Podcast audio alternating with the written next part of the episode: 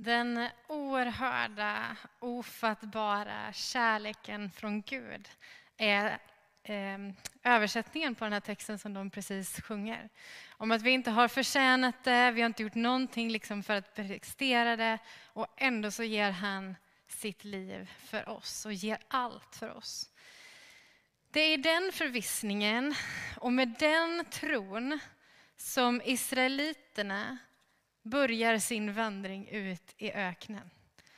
På Gamla testamentets tid, ledda under Mose, så beger de sig ut från Egyptens förtryck under en antal liksom olika prövningar som de har varit med om i trygg förvissning om att Gud är på deras sida.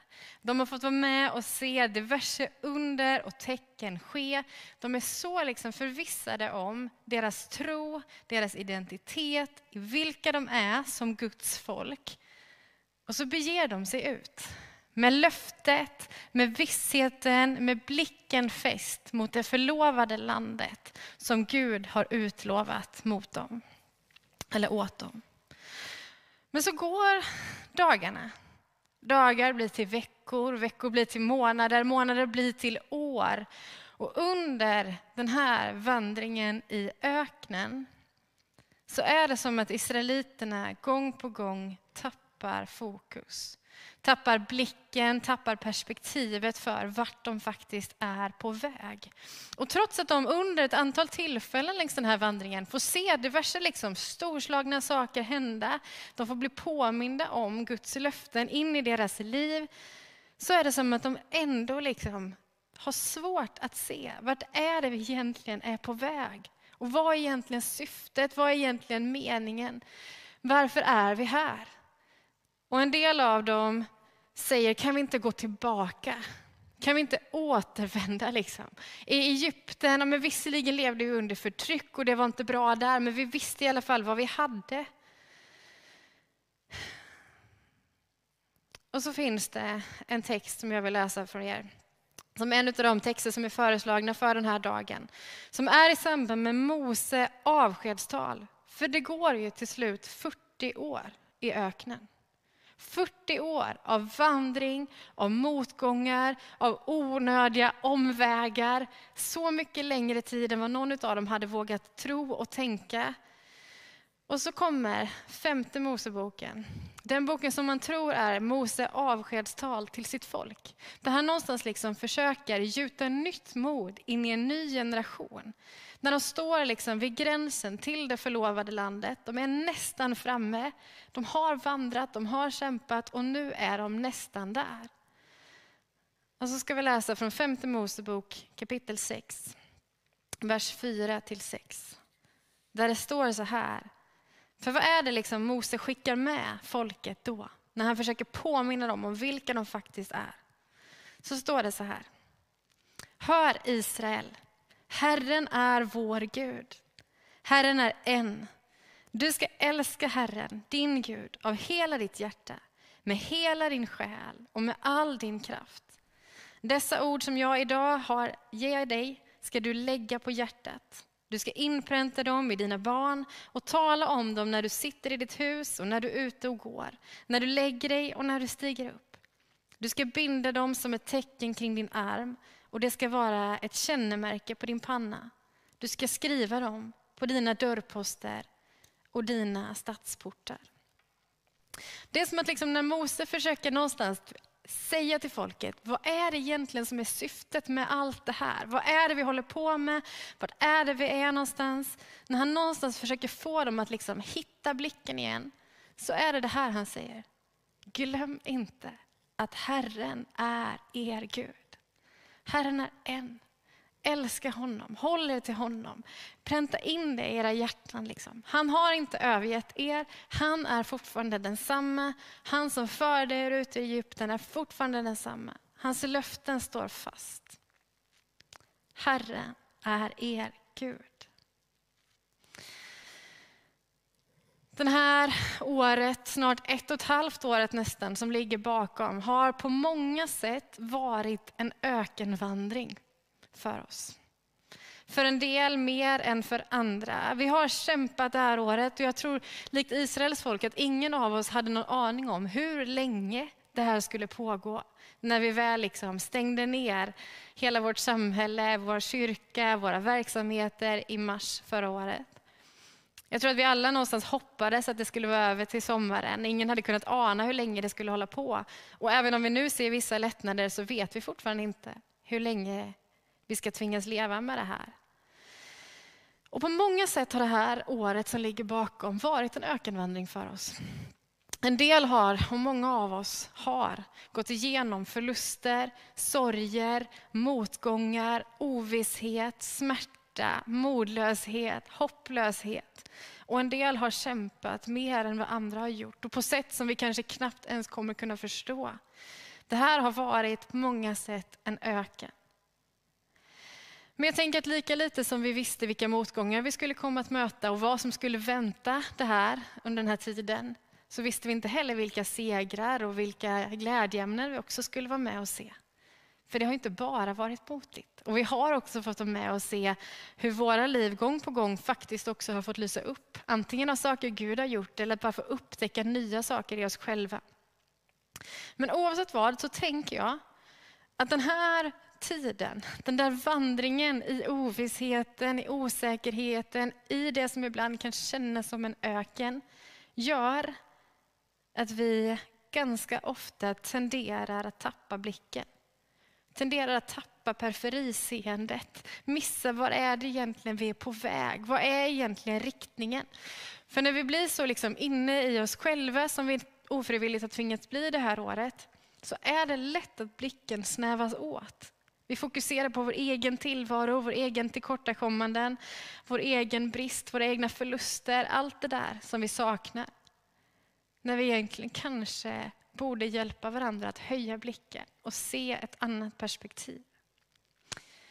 Jag tror att den här tiden vi är i nu, för den är ju inte slut än, gör någonting med oss. Jag tror att när vi en gång kommer att mötas i den här byggnaden igen och förhoppningsvis, peppar peppar, är det redan nästa söndag. Även om vi inte kan mötas alla då, så kommer vi antagligen kunna mötas en del. Och förhoppningsvis ännu mer kanske till sommaren. Och vi kan väl drömma i alla fall om att till hösten kanske vi vågar öppna upp lite igen. Men jag tror inte att vi är samma människor som kommer tillbaka då. Jag tror inte att vi är samma rent antalsmässigt som vi var en gång. Jag tror en del har vi förlorat. En del finns inte längre bland oss efter det här året. En del har vi förlorat i tron. En del har fått lämna det här livet. Men jag tror också att det kommer vara nya människor som sitter här, som vi inte visste och som vi inte hade anat under den här tiden som har kommit till. Och även om vi är samma personer till det yttre, så är vi inte samma inuti längre. Det här året har gjort någonting med oss alla. Den här tiden vi är i har format oss på olika sätt. Och jag tänker att nu, när vi någonstans då under de senaste dagarna har ändå fått ana att nu är det lättnader på gång och vi hoppas att det håller i sig och vi hoppas att vi faktiskt kommer kunna mötas under den här sommaren som ligger framför. Så är det som att vi liksom, likt israeliterna där för mer än 2000, nästan 3000 år sedan står på en klippa liksom och ser in i det förlovade landet. Vi ser att där framme väntar något bättre, någonting vi har drömt om, någonting vi längtar efter, något nytt som är på väg. Det är inte samma, det är inte det som en gång var. Vi har liksom inte gjort en ökenvandring och sen kommer vi tillbaka igen där vi var. Utan vi har gjort en vandring genom en lång öken och som kanske inte är slut än. Men vi är på väg in i något nytt. Vi har förändrats. Samhället har förändrats. Förutsättningarna har förändrats. Och nu står vi inför någonting som ingen av oss riktigt vet vad det är. Vi har ingen aning. Och jag tänker att det är precis som där när liksom Mose försöker gjuta mod in i sitt folk. Kom ihåg vilka ni är. Kom ihåg att Herren är Gud. Minns att ni är Guds folk. Minns de löften som ni har med er, det som han har gjort med er, det som han har lovat er. Det är vad ni har.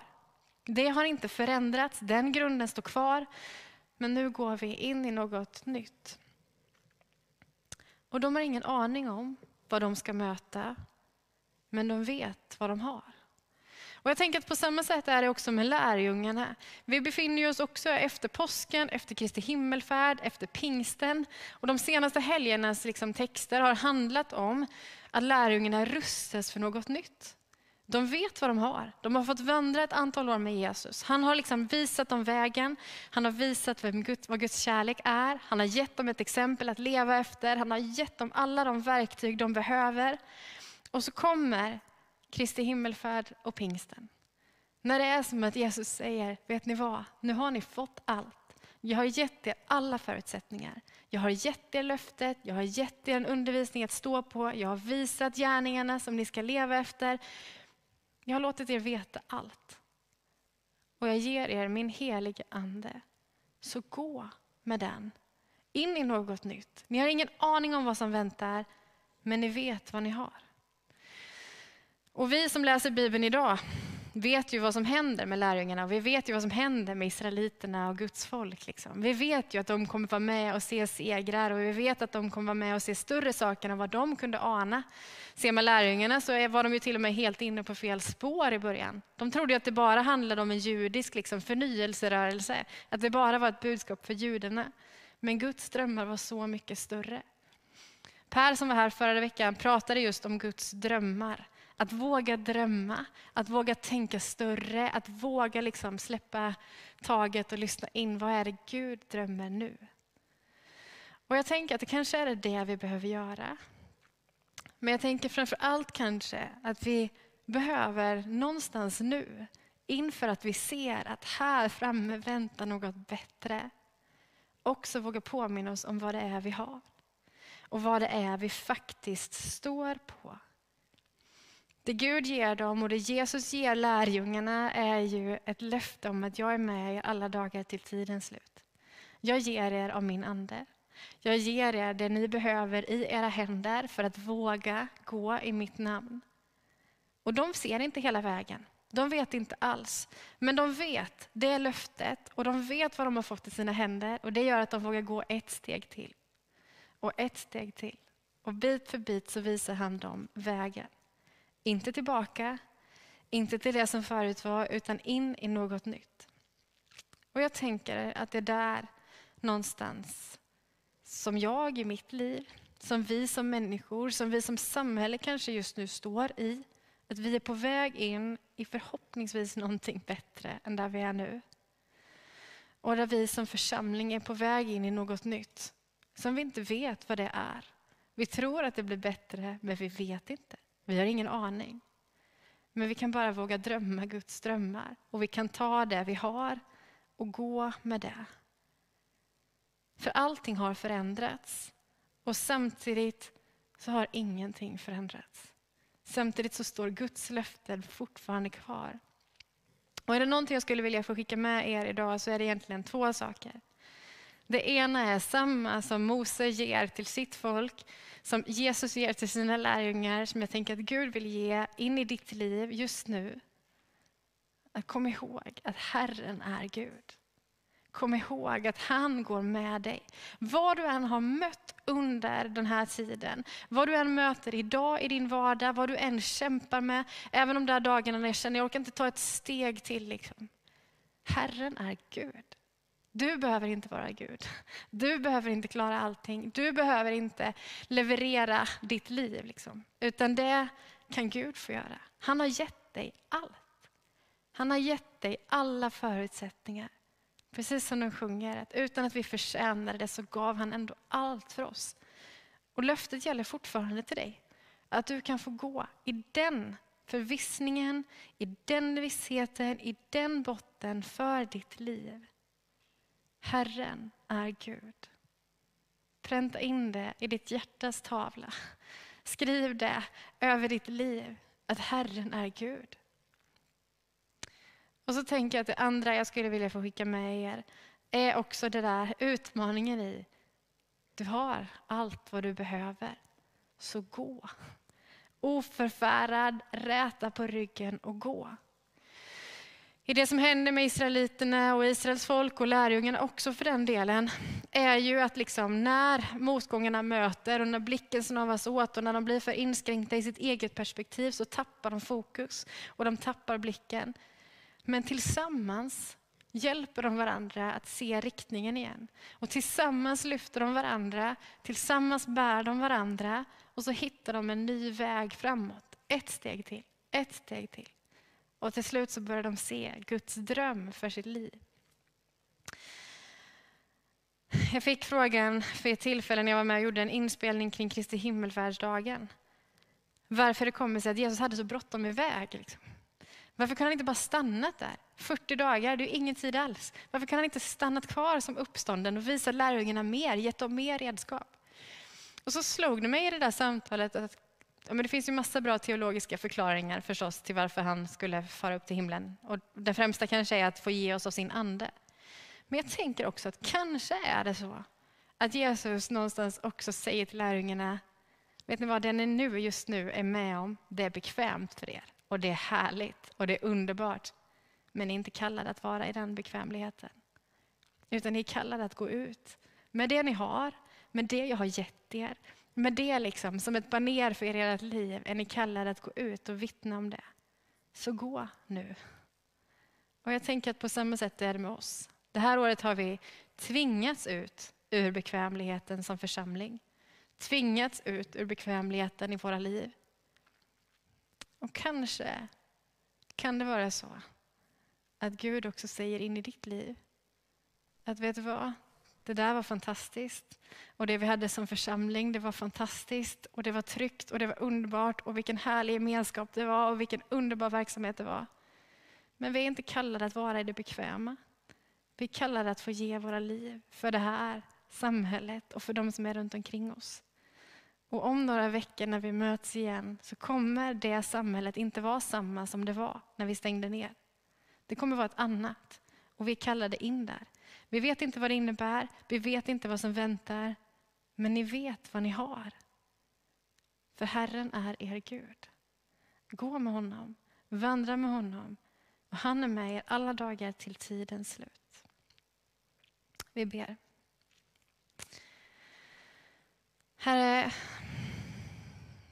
du ser den ökenvandring som vi på många sätt har gått i under de senaste månaderna, veckorna, dagarna. Du ser den som många av oss fortfarande känner att vi är i. Och du vet vad det gör med oss. Du ser de motgångar, de svårigheter vi har gått igenom, men också de glädjeämnen, de segrar vi faktiskt har sett under den här tiden. Påminn oss om dem, Herre.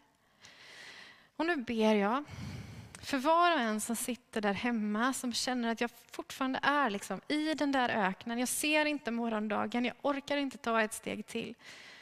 Bara påminn Gud med din helige Ande om att du är Gud. Att vi inte behöver klara det i egen kraft, utan vi kan få vila på din trofasthet. På det du har gett oss och på att du bär oss. Och så ber jag Herre, jag ber för, för mig och för oss som kallar oss för kristna. Jag ber för den här församlingen. Jag ber att vi skulle få bli påminna om vad det är vi har och våga gå med det. Ett steg lite närmare drömmen om vad du har tänkt och vad du vill. Ett steg med det vi har fått för våra liv och att få leva ut den kärleken som du ger oss.